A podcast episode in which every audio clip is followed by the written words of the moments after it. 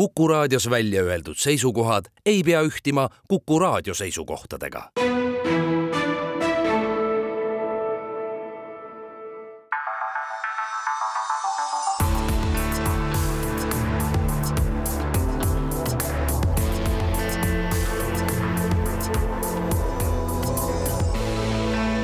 olukorrast ajakirjanduses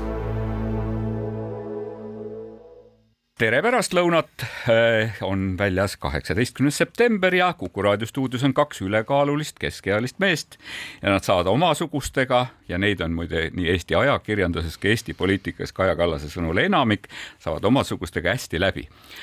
Rein Lang, Väino Koorberg äh, ei, ka ei oskagi praegu arutada seda, et kas me peaksime täna tähistama rahvusvahelist karikatuuripäeva ja rahvusvahelist juustuburgeri päeva. saate nimi on Olukorrast ajakirjandus. arvestades seda, et tegemist on natukene ülekaaluliste äh, üle keskea meestega, siis mina hääletan juustuburgeri poolt. mina tahaks küll jääda ajakirjanduse lainele, et Rein, et kas sina tead, et kes on see Eesti mees, kes on saanud Pulitzeri preemia, saanud Pulitzeri preemia just karikatuuri valdkonnas? ei tea. Edmund Valtmann siit Eestist lahkunud mees, kes kuuekümne teisel aastal karikatuuri Fidel Castrost tegi. Fidel Castro, kes lohistas ahelas järel Kuuba nime kandvat õnnetut talupoega ja ja kõrval on katkise rattaga vanker ja vankri peal on kirjutatud Brasiilia ja Fidel Castro ütleb, et mees, sul on vaja samasugust revolutsiooni nagu minul. selle eest, selle karikatuuri eest, mis kolmekümne esimesel augustil tuhat üheksasada kuuskümmend üks Ameerikas esimest korda ära trükiti, sai ta Pulitzeri preemia, nii et meil on oma mees olemas. ja täiesti. siit, ja siit meie küsimus, miks Eesti ajakirjanduses puudub hea nali? No vot jah, et hea nali, tegelikult Eesti ajakirjandusega seotud uudiseid on ju veel, täna kaheksakümmend kaheksa aastat tagasi ilmus e-, ajalehe Uus Eesti esimene number, mille poolest see ajaleht oli huvitav. see, pole õrna aimu. see oli Konstantin Pätsi ja Eesti riigileht, et see oli nagu siis niimoodi e-, see toetas siis Pätsi ja just seda, seda õiget alanud poliitilist joont ja kui ta neljakümnendal aastal Nõukogude võimu poolt seisma pandi, et siis tema asemel hakkas ilmuma milline ajaleht Rafael. õige saatepunktisid täiesti. meie räägime, meie räägime siis ajakirjandusest, meil on olnud väga meeleolukas nädal, et Rein, et eelmine nädal me rääkisime sellest eh, Delfi meedia kirjutatud etend-, tehtavast etendusest Laval on vaba sõna ja nagu ma aru saan, et isegi meie raadio väikesest esinemisest, sul vist oli arvatavasti diil nendega, et eh, sai eh, Delfi meediasse toreda reklaamartikli. no vaat stiili ma lükkan kategooriliselt ümber, aga arve ma kallitele kolleegidele saatsin. tahaks loota, et nad maksavad selle ära ja, ja, ja kindlasti ma loodan, et kõik vaatasid, kõik vaatasid siis tegelikult meil ka nädala keskel Ringvaade sa-, Ringvaate saadet, et kus oli sügav suur ajakirjanduslik uurimus sellel teemal, et kas kahekümne viie meetri pikkused WC-paberirullid on ikka kakskümmend viis meetrit pikk või pikad või ei ole. Ja toimus ka tegelikult uuriv, uuriv ajakirjanduse teema sellest, et milline võiks olla äh, Eesti eestlaste tagumiku pühkimise meetod, et kas sina siis nagu väänad seda paberit, rullid ümber käe või vormid selle armsaks nutsakuks, enne kui sellega tagumikku pühkida? Üldiselt olen ma sõnatu et meil on Aga olnud. see oli, see oli tõeliselt meeleolukas. meil on olnud väga meeleolukas tõepoolest ja meie Aga... mõtlesime ka, et meie hakkame, meie te, hakkame tegema täpselt samasugust uurivat ajakirjandust, nii et täna siin stuudios olge valmis. me oleme siit Eesti ühest ühest e-, e-, Eesti kaubandusettevõttest, ma nimeta, nime ei nimeta, eks ju, arvatavasti selle nimi algab R-tähega, oleme toonud siis siia kõik liitristesse pudelisse villitud eh, eh, kurude jalapesuvee, siin on peale pandud kuru jalapesuvesi, üks liiter ja me hakkame kohe siis mõõtma Kuku raadio stuudio põrandale maha kallamise teel, et kas liitrises pudelis liitri, lubatud liitrine vesi sisaldab ikkagi liitrit, nii et mina hakkan ühest otsast minema ja vett põrandale maha kallama ja Rein, sina hakkad teisest otsast, et vaatame siis, kas, kas me suudame sellega ära täita terve oma ajakirjandusteemalise saate või ainult osa sellest peame vahepeal ka välisuudiseid. aga me teeme kohe selle saatelõigu ette väikese disclaimer'i nimelt selle vee joomine on rangelt vabatahtlik ja, ja selles mõttes, et nii nagu me saime ka tegelikult Ringvaate intervjuust, kus Ingvar Villi toob oma jalapesuvee teemat seletas, et see ei ole ainult jalapesuvesi, mis on nendes pudelis, see kõlab nüüd nagu reklaam.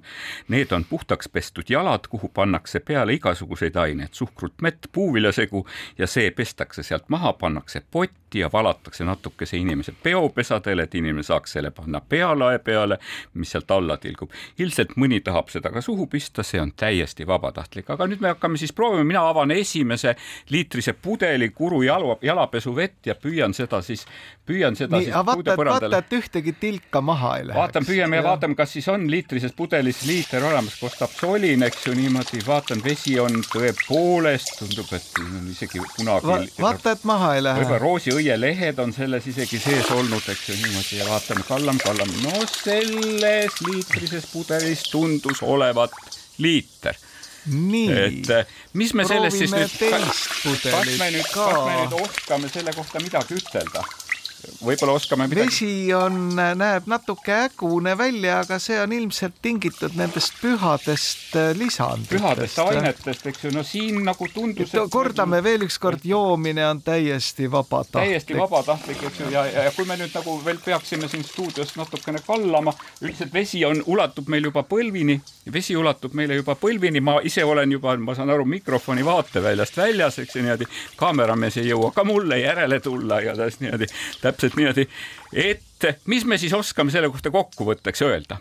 kas me kas me jõuame mingisugune sügavamale järeldusele või, või sama sügavale järeldusele, nagu jõudis Eesti Rahvusringhäälingu Ringvaade mm., seda Äh, peldikupaberirulle lahti. mina arvan, et ikkagi kiirkorras tuleks parlamendi menetluses läbida see eelnõu, mis eraldab Rahvusringhäälingule teatud kindla protsendi meie rahvuslikust kogutoodangust. ja seda protsenti tuleks oluliselt tõsta, et selliseid materjale oleks rohkem. äkki oleks ühte telekanalit juurde vaja, praegu on meil neid kolm ETV pluss, ETV kaks ja ERR-i peakanal ehk ETV, äkki üks veel? uuriva ajakirjanduse. uuriva ajakirjanduse tarvis, jah.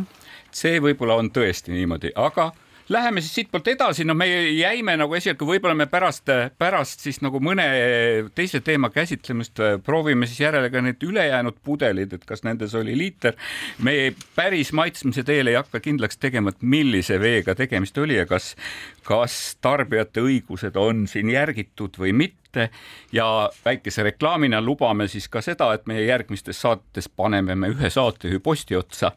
istuma ja hakkame tema pihta muda loopima, nii nagu see oli ka, nii, nii, nii nagu seda tegelikult kirjeldas Eesti Ekspress möödunud nädalal tegelikult väga toredas loos, selles loos, mis rääkiski tegelikult siis eh, kuulsast Lilleoru, Lilleoru kommuunist ja sellega seotud eh, noh, kuidas ütelda sek,, sekti liikumisest ütleksin, ma juba tegelikult seda lugu ootasin ammu.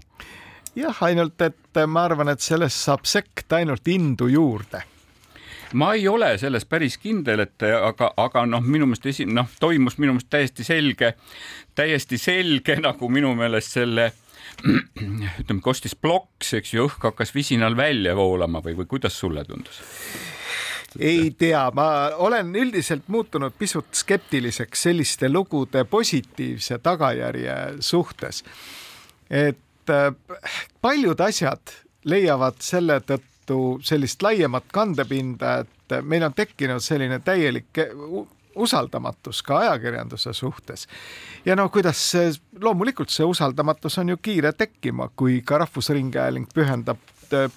noh, enam mitte minuteid, vaid tunde niisuguse jama kajastamisele aga siis ongi tulemus, et kuna teatud osa seltskonnast, ma mäletan ühte uuringut oli kuusteist protsenti kogu Eesti elanikkonnast, leiab, et äh, ajakirjandus niikuinii valetab. Ja kui ta kirjutab selliseid lugusid, mille eesmärk on paljastada mingisugust sellist janti, eks ole,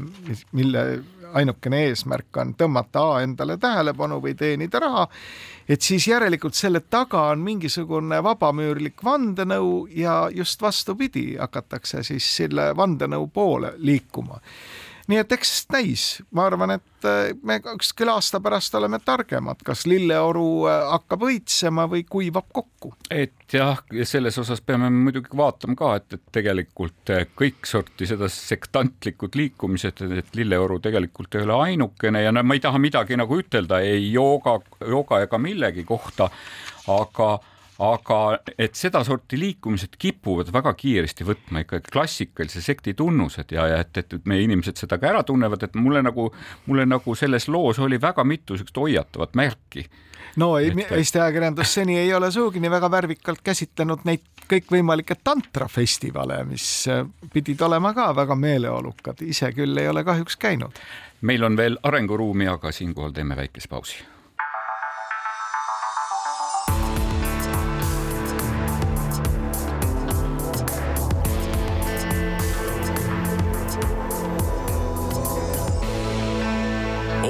olukorrast ajakirjanduses Rein Lang ja Väino Koorberg on nüüd siis äh, jalapesuveepudelid kõrvale pannud, räägime ajakirjandusest, et äh, ma olen, mina tahan alati selles saates rääkida Kaja Kallasest, eks ju, ja tema järjekordsetest intervjuudest, eks ju, mis on alati see alailma nagu muutnud kogu selle, kogu selle peaministri skandaali alati selgemaks, eks ju, ja ka kontrastsemaks, et sedapuhku eh, tema intervjuu, tema intervjuu Vilja Kiislerile, mis noh, minu meelest tõi väga palju selgust sellesse, aga ma ei tea, Rein, sina alati vaidled mulle vastu, ütled, et kas me peame sellele piisavalt palju tähelepanu pöörama. jah, mina ei pööraks kõikidele asjadele nii palju tähelepanu, aga kui ma olin selle intervjuu ära vaadanud, siis mulle järjekordselt tuli meelde Peeter Oja ja, ja Hardi Volmeri intervjuu Anu Välbale kus siis härrasmehed, needsamad veidikene ülekaalulised, üle keskea mehed ajakirjanduses tegevad ja nagu diskuteerisid selle üle, miks Eestis ei ole seda poliitilist satiiri. et me kõik mäletame veel need vanamehed, kes on veidi ülekaalulised, sellist saatesarja nagu Pehmed ja karvased, mis oli omamoodi televisiooninädala nagu tipphetk, eks ole, kus visati väga head nalja valimatult kõigi poliitikategelaste suhtel ja oli, oli visatud selliselt nalja, et isegi need poliitikud eriti ei solvunud. noh, mõni vahel solvus, aga üldiselt oli ka seda solvumist võrdlemisi vähe ja nüüd äh, selle. ja siis üldiselt kadus see, see, see saade kadus ikkagi nagu see, see saade kadus väga kiiresti ikkagi nagu teleekraanilt ära, et umbes samamoodi tõepoolest nagu sadus, kadus ära saade Kukla Venemaa televisioonist niipea kui Vladimir Putinist sai president, eks. et ja... ega ta tegelikult nagu, ega sulle vist väga ei meeldinud olla, eks ju, seal niimoodi kujutatud sellise päris naljakana või, või, või kuidas? ei, mina, mina suhtusin sellesse pehmetesse ja karvastesse noh, väga väga suure sümpaatiaga. aga kuidas suhtub sellesse üks keskmine poliitik, kes enda sõnul on kohutavalt empaatiline, eks ju, ja on kõikidele küsimustele andnud otseseid ja selgeid vastuseid? mul on keeruline sellele vastata, miks, sellepärast et võib-olla ma olen nii kaua kogu sellest katlast olnud eemal, võib-olla on inimeste talumisvõime ja tolereerimisvõime tänu sotsiaalmeedia olemasolule muutunud aga igal juhul viisteist aastat tagasi olid eh, ka poliitikud väga tolerantsed sellise hea nalja suhtes. Ma mäletan kunagi, kui NO teater tegi, eh, pani lavale surematu tüki nimega Kuidas seletada pilte surnud jänesele ja parajasti kultuuriministriks oli Laine Jänes, siis eh, ma ei tea, kas keegi lootis nagu näha seda, et saalis istub ridamisi poliitikuid, kes, keegi läheb vihast siniseks ja keegi hakkab nutma. sa vist olid Vast... kultuuriminister ka siis, kui Ühtse Eesti Suurkogu eelne pressi, pressiüritus oli, eks ju, ja kui sa tõepoolest nii nagu Suurkogu või teatri No üheksakümmend üheksa trupi eh, pressiavalduses, minu meelest, kas see oli Mihkel Raua saates või kusagil nagu kirjeldati seda, kuidas Rein Lang tõusis püsti ja rikkus ära kogu ürituse. ja me, me lahendasime selle pisikese tagasihoidliku vahejuhtumi. sa ei pahand-, sa ei pahandanud ju selle. ei no see, tookord ma ikka natukene pahandasin ka, kuna seal ei olnud võimalik nalja ja, ja sellise manipulatsiooni vahel vahet teha, aga me lahendasime selle niisuguse pisikese konflikti ära viieteistkümne minutiga. seal ei olnud mingisugust suurt niisugust kandepinda sellele, et üks istub ühes liivakasti nurgas, teine teises liivakasti nurgas ja siis kümne aasta pärast meenutatakse, kuidas keegi kellelegi liiva silma viskas. Nüüd ka selle nalja puudumine tegelikult ja selliste pehmete ja karvaste stiilis äh, naljasaadete puudumine ja see kurjus, mis on meie ühiskonnas nagu vohama hakanud, minu arvates on see nagu ohtlik. Ja ühiskond, mis ei suuda iseenda üle nalja visata ja, ja sellist heatahtlikku huumorit tolereerida, see ühiskond on haige ja kui me nüüd vaatame, milleni see lõpuks välja viib, siis ta viibki selliste noh, öiste istungiteni, kus siis kõik vihkavad üksteist ja kogu see õhustik Toompeas on muide viimase viieteistkümne aasta jooksul tundmatuseni muutunud. ja muide, ma ennustan seda, et ta muutub lähemal ajal veel vastikumaks tänu siis Keskerakonna juhi valimistele, sellele toimunud sündmustele, ka sündmustele Narvas. nii et ega meid ei oota siin ees mingisugune mõnus aeg ja ega kui küsida, et kas midagi ette on ka võimalik võtta, siis noh, mina jõuan alati selleni, et me peaksime teatud asjadele pöörama väga palju vähem tähelepanu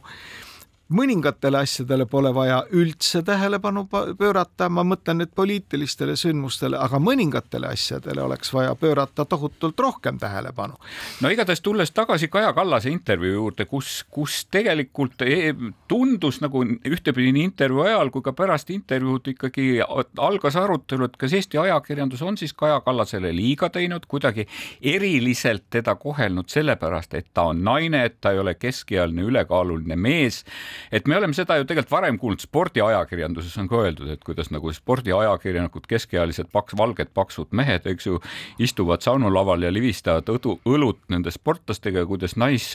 naisspordiajakirjanikel selles maailmas on jõle keeruline läbi, läbi nagu lüüa just sellepärast, et nendel noh, nad peavad riided selga panema selleks, et saunalavale istuda niimoodi. et nüüd nagu toodi see, toodi see Vilja Kiisleri intervjuus toodi see argument ka siis nagu ühtepidi üles, et, et kostus ju päris mitu niisugust väidet Vilja Kiisleri suust, millele Kaja Kallas kas vastu ei vaielnud või kaudselt ka tegelikult kinnitas seda. no alates sellest, et ta väitis, et, et kogu see Kaja Kallase skandaal on ajakirjanduse kättemaks käibemaksu tõstmise pärast, eks ju niimoodi, et siis tõepoolest, et ajakirjandusjuhid, paksud keskealised mehed saavad teiste poliitikutega, kellest enamik on paksud keskealised mehed, väga hästi läbi ja nad on moodustanud harmoonilise võrgustiku selleks, et kägistada siis nagu neid inimesi, kes on, kes on nagu eriliselt empaatilised, eks ju, eetilised ja nii edasi ja nii edasi, moraalsed majakad, nagu öeldakse. ja kui Vilja Kiisler, kes ei olnud paks keskealine mees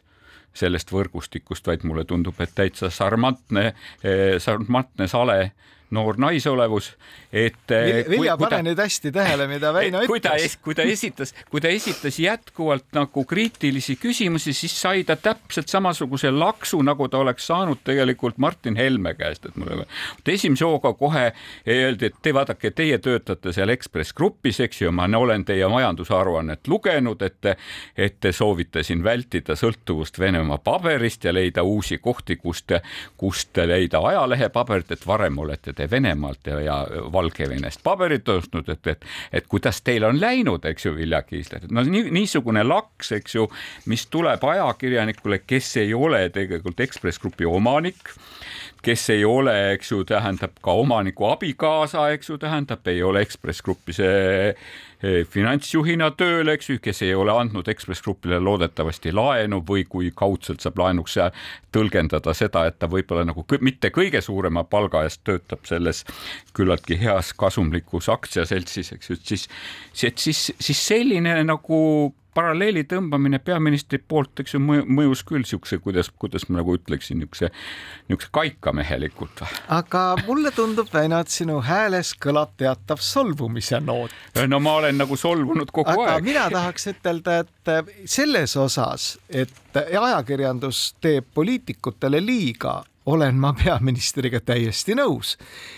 muide, ma ei tea tegelikult ühtegi sellist Eesti poliitikategelast, kellel on mingid oma mõtted, mida ta soovib läbi viia ja kes on olnud tõesti nagu aktiivsed, kellele ajakirjandus ei oleks liiga teinud. minu meelest küsimus on selles, kas liiga tehakse valikuliselt või mitte ja nüüd mina, kui ma olen nüüd mõelnud tagantjärgi viimase viieteistkümne aasta peale, siis ma eriti ei näe, et see, et Eesti ajakirjandus oleks teinud mingeid sisulisi valikuid, kellele liiga teha. liiga on tehtud kõigile täitsa üksmeelselt, nii kui keegi on pistnud. pasunasse ja kõigile. Ja nii kui keegi on pistnud pea sellest äh, virtsatünnist natukene välja, nii sellele on lajatatud, sõltumata tema parteilisest kuuluvusest, sõltumata tema ideedest, kes ei ole saanud selle suure haamriga pähe on tegelikult need poliitikud, kes on piirdunud lihtsalt mingite populistlike selliste pläginatega, et tõmmata endale natuke tähelepanu, noh, teataval määral on ju ajakirjandusel ka siin tõesti see valik, kas pöörata sellele tähelepanu või mitte pöörata ja teinekord see mittepööramine ongi väga õige lahendus. et kui jällegi tuleb mingisugune hakatis kuskilt metsast välja, kes tahab äh, lõpetada oma karjääri ainsa tubase tööna Toompeal hakkab rääkima mingit juttu, kuidasmoodi Eesti rahvast õnnelikuks teha, siis teatud juhtudel võiks selle jätta üldse nagu tähelepanuta, milleks siis raisata aega ja, ja paberit aga teatud juhtudel on just, eh, pälvibki selline noh, väga eksalteeritud käitumine ajakirjanduse teravdatud tähelepanu, eks ole. sellele hakatakse takka kiitma samal hetkel, kui siis materdatakse neid eh, noh, erakonna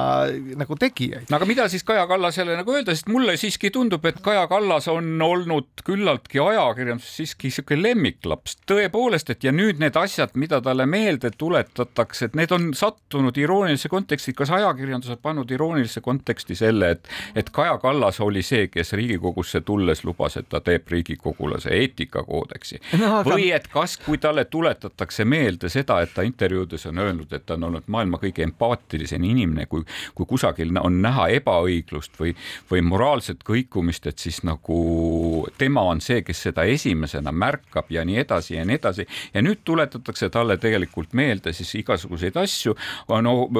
ütleme niimoodi, tuletatakse tuletatakse meelde ka, kuidas kaudselt mitte tõe rääkimist, kui et mitte öelda valetamist, tahaksin ma öelda, eh, mis puudutab kasvõi neid samu intervjuusid ajakirjanduses antud või seda, et kas ta oli teadlik sellest probleemist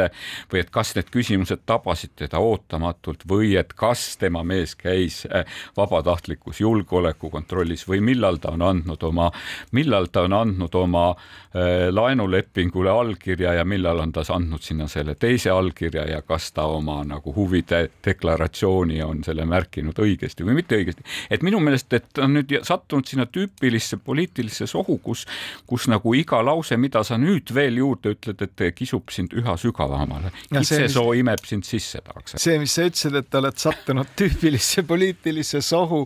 see viibki selle küsimusena, et kas antud juhul on siis ajakirjandus teinud nagu peaministrile liiga valikuliselt. aga või... ajakirjandus on tegelikult teda, no vot selle kohta on tegelikult ka minu meelest, kas see oli Mikk Salu või, või keegi, keegi ajakirjanduses seda teemat isegi natuke lahkas, et, et Kaja Kallas on rahvusvaheliselt saanud tähelepanu tegelikult eh, ebaproportsionaalselt just niisugustel positiivsetel julgeolekuteemadel, mis puudutab Ukraina sõda, eks ju, ja ja sealt seda on Mikk Salu nimetas, et need on mugavusteemad, kus saab anda õigeid vastuseid ja veel õigemaid vastuseid ja Kaja Kallas on just sealt vastuseid andes andnud neid kõige õigemaid vastuseid ja olnud niimoodi lääne pressi positiivses tähelepanus, aga et sise, et sise, sisepoliitikas ei ole sul võimalik nende nagu lihtsate mustvalgete vastustega nagu lagedale tulla ja seda me näeme praeguses protsessis. aga see, millega peab Eestis tegev poliitika arvestama, et kui sa suudad õigel hetkel õiges ajas ja ruumis anda neid vastuseid, millest ei ole võimalik kuidagi kinni hakata, siis seda enam tegelikult, kui saabub see moment ajas ja ruumis et sul on mingisugune luukere kuskil, seda valusamalt see tegelikult see kolin pärast ka kostub. ja mida kõrgemale sa oled tõusnud, eks ju, tõepoolest seda kauem see luukere ka kukub sealt. no see sõltub jällegi nüüd paljudest asjaoludest, et äh, siin hakkabki mängima oma rolli selline nähtus, mille nimi on siis see strateegiline kommunikatiivne võimekus et kui sa esimese reaktsioonina teed vea, siis sa pead sellega arvestama, et edasi on sinu positsioon palju keerulisem. aga meie teeme siinkohal esimese reaktsioonina väikese pausi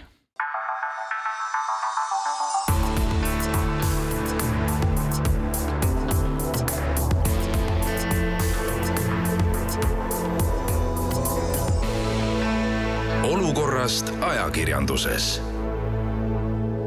Rein Lang ja Väino Koorberg, kaks keskealist ülekaalulist meesterahvast sellest üldisest võrgustikust,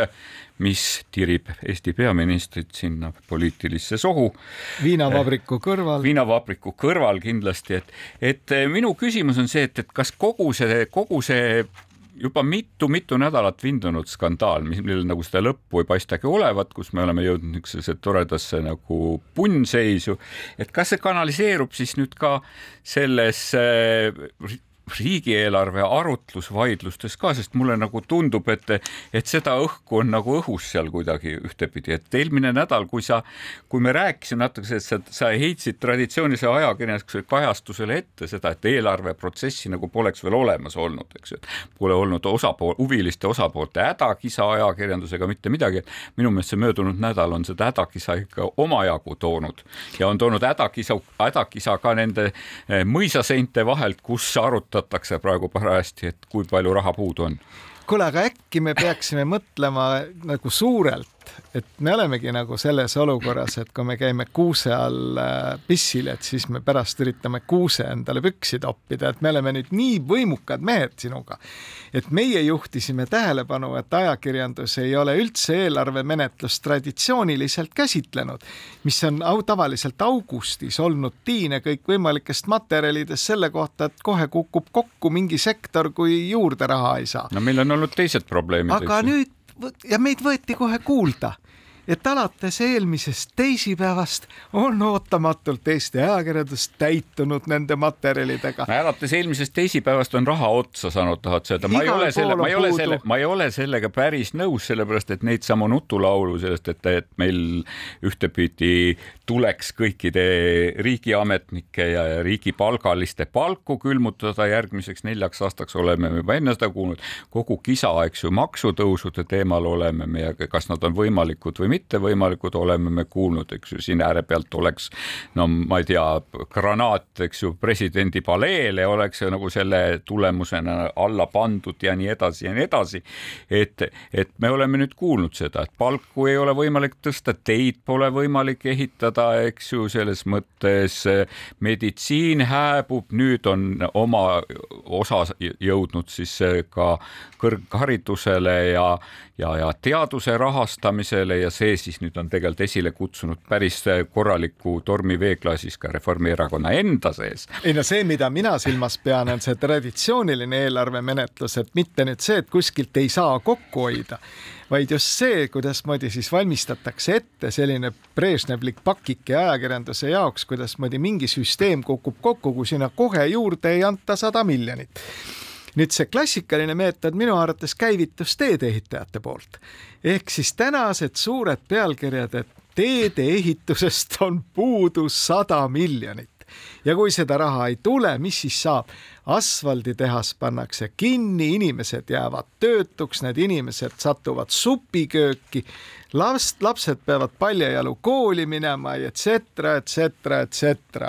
mina tahaksin sulle kohe vastata, rikkad kodanikud, rikas riik, mäletad seda aega Eestis, eks ju, kus me nagu kordasime seda nagu mantrat, et eh, ajakirjandust mul jälle ma alati loen ka huviga Kaarel Tarandit. Kaarel Tarand on kogu selle protsessini minu meelest väga hästi ära kirjeldanud Sirbi loos Nähtamatu remondivõlg, kus ta ühtepidi küll räägib, räägib eh, kultuuriasutuste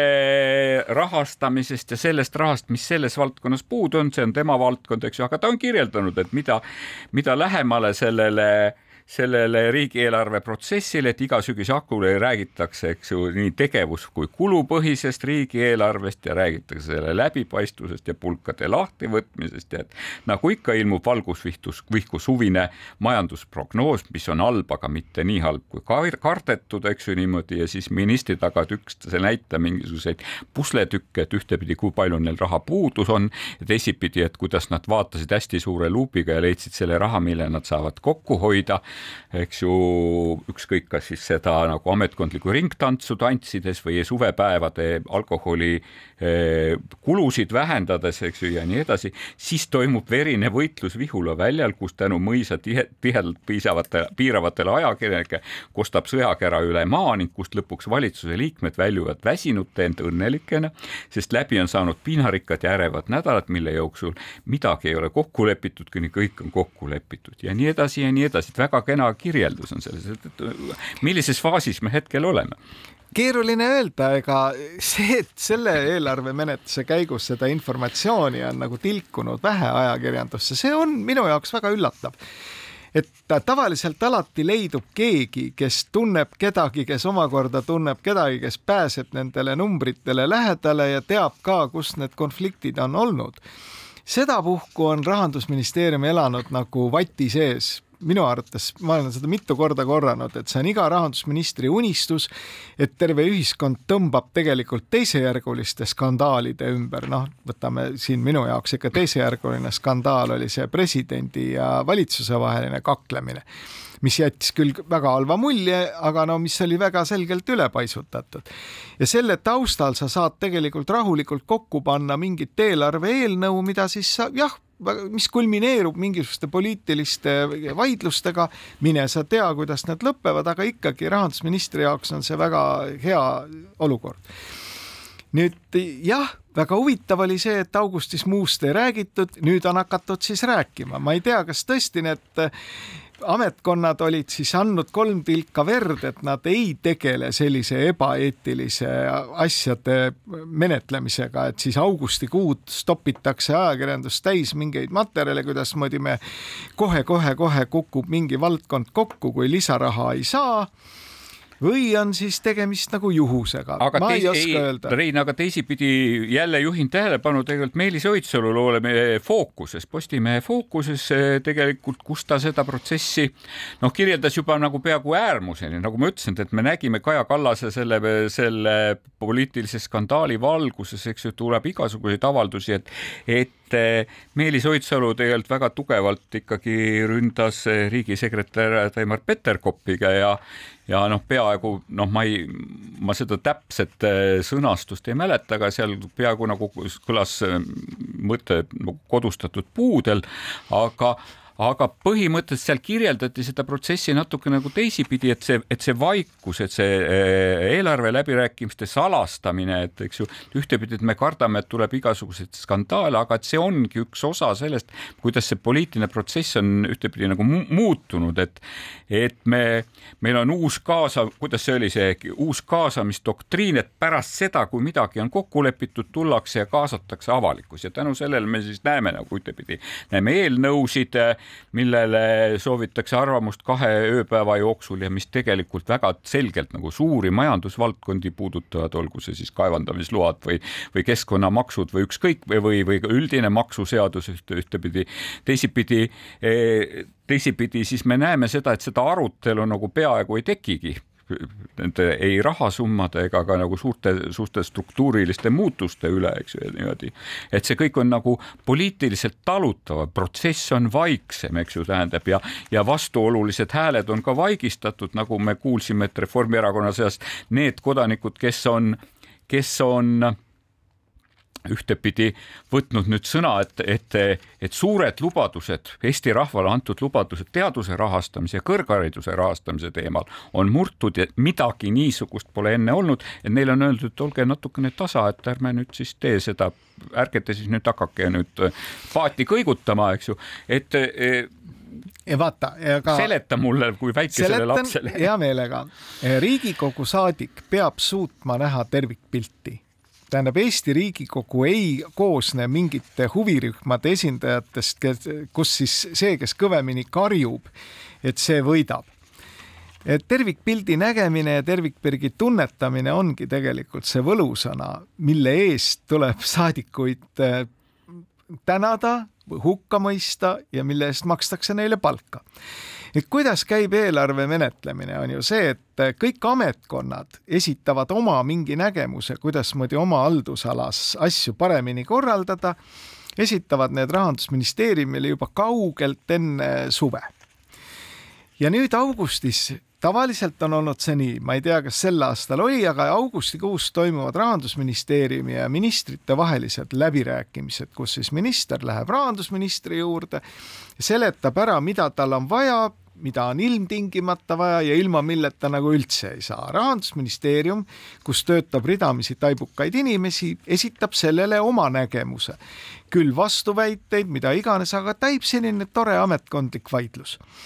nüüd seda ametkondlikku vaidlust on alati üritatud kuidagi mõjutada ja ma mäletan, omal ajal oli siseministeeriumi oli alati see, kes suutis tekitada mingisuguse sellise ühiskondliku fooni läbi. seal on päästjad, politseinikud, sisemine julgeolek, kuidas noh Juuli..., ma arvan, et praegu kaitseministeeriumil ei ole mingit küsimust, eks ju, seletada seda, et riigikaitseks on raha juurde vaja ükskõik mis hinnaga, eks ju, ja jube keeruline on tegelikult seda ka kuidagi vaidlustada, kõik on julgeolestatud. aga mis oli nagu tavaline, oli see, et siseministeeriumist hakkas tulema neid selliseid sõnumeid, kuidasmoodi meie sisejulgeolek on hädas ja pätid omandavad, ma ei tea, võimu ja mida iganes, juhul kui raha juurde ei saa. sellega üritati siis mõjutada kuidagimoodi seda protsessi ja muide peab äh, andma tõele au, et teinekord see ka õnnestus. aga nüüd me kes, oleme. kes selle jamaga ei tegelenud, need võisid jääda kaotajaks, mis siis, et nad said puhta südametunnistusega öösel magama minna. no kui, nii nagu kultuuriministeerium ütles, et nemad olid kõige tublimad kärpijad, et vaatasid mikroskoobiga ja leidsid miljoni ja Eesti riik oli päästetud. aga vaata, Väino, oota. aga mitte sellest on... ma ei taha rääkida, ma tahtsingi nagu, et... tahtsingi nüüd rääkida, et kunas need, millal need Riigikogu liikmed siis nagu seda suurt pilti nägema hakkavad ja, ja otsustama hakkavad, kui meil on siis olemas see niinimetatud tegevuspõhine eelarve, mida mina olen kritiseerinud ja olen Aivar Sõerdi appi kutsunud, mida on nüüd oma, oma ettekannetes kritiseerinud riigikontrolör, õiguskantsler, eks ju, et, et, et nad ütlevad, et Eesti eelarvest ei ole võimalik seda suurt pilti näha, et seda tegelikult näevadki ainult need ametnikud nende vaidluste käigus. Need vaidlused on ühtepidi salastatud, et ükski skandaal välja ei tikuks, eks ju. kus on meil siis nüüd see nagu, kus meil on parlamentaarne demokraatia, kus meil on see parlamentaarne otsustus? mul jäi nagu jutt selles koha peal pooleli et alati on olnud jah, et, et läbi avalike suhete firmade ja läbi ministeeriumite taibude, kes mõjutavad mingeid pressiprotsesse, on olnud august täis selliseid materjale. see aasta oli selles suhtes erandlik ja, ja veel üks kord ma kordan, see on rahandusministeeriumile unelmate situatsioon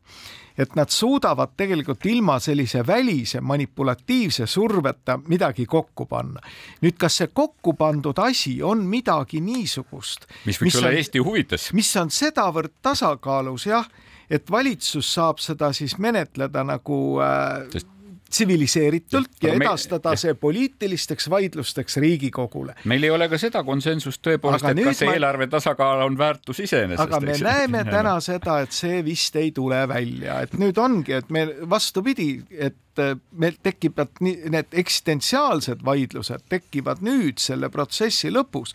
Et kas me üldse peaksime hoolima eelarve tasakaalust? siin on ju ilmunud ajakirjanduse kaudu mingeid kummalisi seisukohti, et ei noh, mis asja, mis tasakaalust te räägite? meie peame, hool... meie peame hoolima eelarve tasakaalust, sellepärast teeme me väikese pausi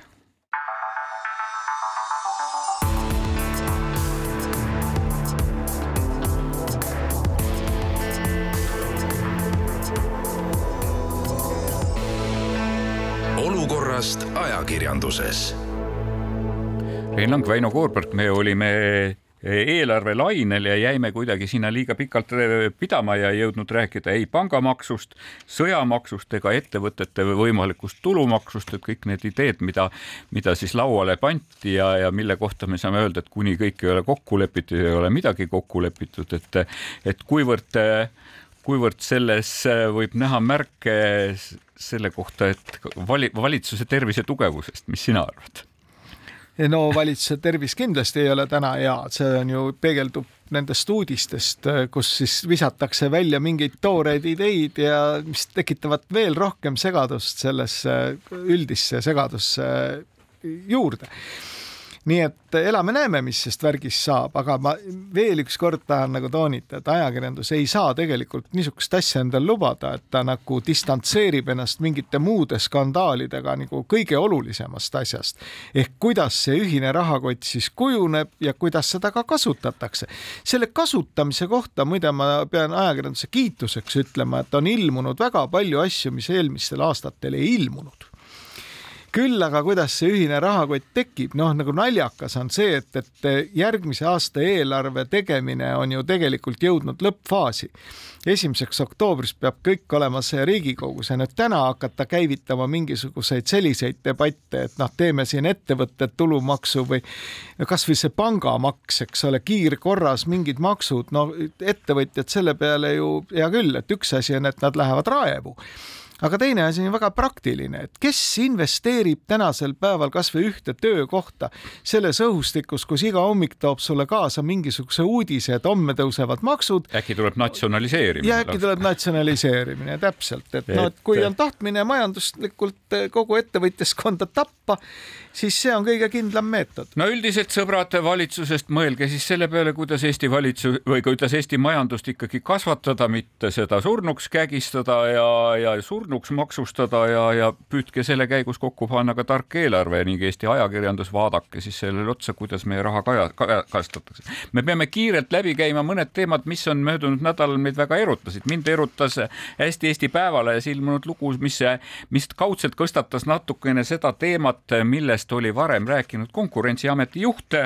Eh, Evelin Pärn-Lee ühes intervjuus, kus ta ütles, et me peame hakkama vaatama ka seda, et, et milline on konkurentsi seisukord Eesti, Eesti nagu poekettides ja, ja kuidas nende suhted toiduainete tootjate ja, ja, ja, ja toidu juurdehindluse või kaupade juurdehindlusega on, et, et siis Eesti Päevaleht tegi huvitava loo Läti Delfi materjalide põhjal, kuidas nad, kuidas olukord on Lätis ja, ja siis selgub ikkagi, et me räägime juurdehindlustest, mis võivad olla ka mitmesaja protsendi protsendilised ja isegi ka mitu tuhat protsenti oli näiteid selles loos, et, et minule see Delfi Ärilehe lugu, mis sellest nüüd meeldis väga. Sinule jäi silma tegelikult, ma sain aru, et Postimehe lugu e-tervise digilooga. see oli lugu, kus mul tõusid ihukarvad püsti, et kui ma olin selle loo kaks korda läbi lugenud ja nüüd ma mõtlesin selle, juriidilises keeles on olemas selline termin nagu tavalise tähelepanu juures keskmine, keskmise inimese vastuvõtuvõime. Tavaline inimene keskmise tähelepanu juures loeb selle loo läbi ja saab teada, et tema digilugu kus on kõik tema terviseandmed, absoluutselt kõik. kuhu mõnikord minnakse vaatama selleks, et anda sulle relvaluba või riigisaladusele ligipääsuluba või, või, või võtta siit jõustruktuuri. jah, kuhu saab sisestada informatsiooni, mis on noh, niisugune ütleme, et viisakas keeles kaheldav ja et kõik see pakett sinu kohta tehakse nüüd esimesest oktoobrist kättesaadavaks ka füsioterapeutidele ja kliinilistele psühholoogidele, kes ei oma meditsiinilist haridust ja kes ei ole antud Hippokratese vannet. jah, et, et no, logo, minul... logopeedid võivad alla, anda sulle hinnangut sinu tervisliku seisu kohta, ühtepidi nad pääsevad ligi, kas nad saavad sinna ka, ka see digiloo kasutamine tähendab seda, et nad saavad lugeda seda informatsiooni või nad saavad sinna ka kirjutada, sest ei tea, ei sellest, sellest loost ei tulnudki sellest, see välja. sellest loost, aga selles loos see küsimus jäi üle, üles, nii et ajakirjandus, et minge selle teemaga päris kindlasti edasi. no minu miks ma seda teemat üldse tahangi käsitleda, et sellest loost tegelikult mõtlev inimene saab sellise pildi, et no nüüd on küll kuri karjas. et nüüd tuleks kuidagimoodi võtta sepa haamer ja alustada teekonda selle serveri poole, kus minu digiandmed kõik on nii et ajakirjandus peaks selle teema nüüd ikkagi otsast otsani lahti harutama, see ei ole naljaasi. et kujutame nüüd ette, et see digilugu muutub kättesaadavaks näiteks pangale või kindlustusseltsile kus ta siis igaüks kindlustuspoliisi väljakirjutaja või pankur, kes menetleb parajasti teie kodulaenu, võib lugeda, mis haigusi te põete, milline on teie mentaalne seisukord, no see on nagu hoopis teine ühiskond, nagu me ette kujutame täna. Nii et äh, ajakirjanduse ülesanne võiks olla praegu küll ikkagi vaadata, mis selle digiloo ümber siis toimub, see Postimehe kirjutis, tõenäoliselt oli see vajalik, aga no niisuguse hirmuõhkkonna tekitamine, sellele peab nüüd midagi järgnema. no igatahes meie andmetega, mis toimub meie andmetega, on väga oluline ja ajakirjanikud ise peavad sellega olema väga tähelepanelikud, sellepärast möödunud nädal tõi suure skandaali meile Riiast, kus selgus, et Riias tegutsev venekeelne meediaettevõte Medusa, et selle asutaja väljaandja Kalina Timtšenko telefonist leiti spioneerimisäpp Pegasus, mis väidetavalt on juba aasta alguses äh, tema telefoni paigaldatud kusagil, kui ta on olnud Saksamaal just nende emigrantlike ajakirjandusväljaannete, liberaalsete väljaannete, kes Putini Venemaalt on kadunud, põgenenud, eks ju, ja, ja alustanud oma tööd Lääne-Euroopas, et nende Eh, mitteavalik või peaaegu salajane mingisugune seminar on olnud Berliinis ja, ja selle käigus on tema telefoni see äpp paigaldatud. tegu on äpiga, mida saavad kasutada põhimõtteliselt ainult riikide valitsused, Iisraeli ettevõte tehtud on see, et eh, ja nüüd on sellest tegelikult suur skandaal, sest, eh, sest see ühtepidi avastati, Apple andis sellest teada alles kusagil juunikuus pärast seda on seda telefoni uuritud, puuritud ja pärast seda on leitud samasugused jäljed äh, häkkimisest ka veel kolme kolme küllaltki tuntud ajakirjaniku telefonist, et kes luurab siis nende Vene, Lääne-Euroopas tegutsevate Vene ajakirjanike järel, kas see on Venemaa, mida, kes, kellel tegelikult väidetavalt ei ole juurdepääsu sellele programmile, kas see on Venemaa, kasutades Aserbaidžaani või Kasahstani oma nagu niisuguse käepikendusena, kas see on tegelikult väga selgelt näidatakse ka kolmele lääneriigile, näidatakse praegu Saksamaale, kus see häkkimine toimus, näidatakse võimalikult Lätile, kes kes, kelle numbriga oli tege-, telefoninumbriga tege- ja tegelikult näidatakse nendes kajastustes ka Eestile, kellel väidetavalt on see tehnoloogiline võimekus olemas ja kes väidetavalt siin osade allikate väitel on kasutanud ka seda programmi äh, väljaspool oma riigi territoori-, territoorium, nii et, et ma, see teema on väga huvitav ja sellega seoses on tõstatatud üles ka küsimus selle kohta, et, et Euroopa Liit ei ole selle ajakirjanike järel nuhkimise suhtes sugu, sugugi, sugugi nii hell ja armas, aga sellest me räägime juba järgmine kord, me saadame tervituslaulu, tervituslaulu tegelikult kõikidele nendele inimestele, kes arvavad, et poliitika on räpane tahaks nende käest küsida, kas Lennart Meli oli räpane ja saadame neile pesulaulu tervituseks. kohtumiseni nädala pärast. Jalad puhtaks pesema ülevalt ja alt, jalad puhtaks pesema varba vahelt alla alt.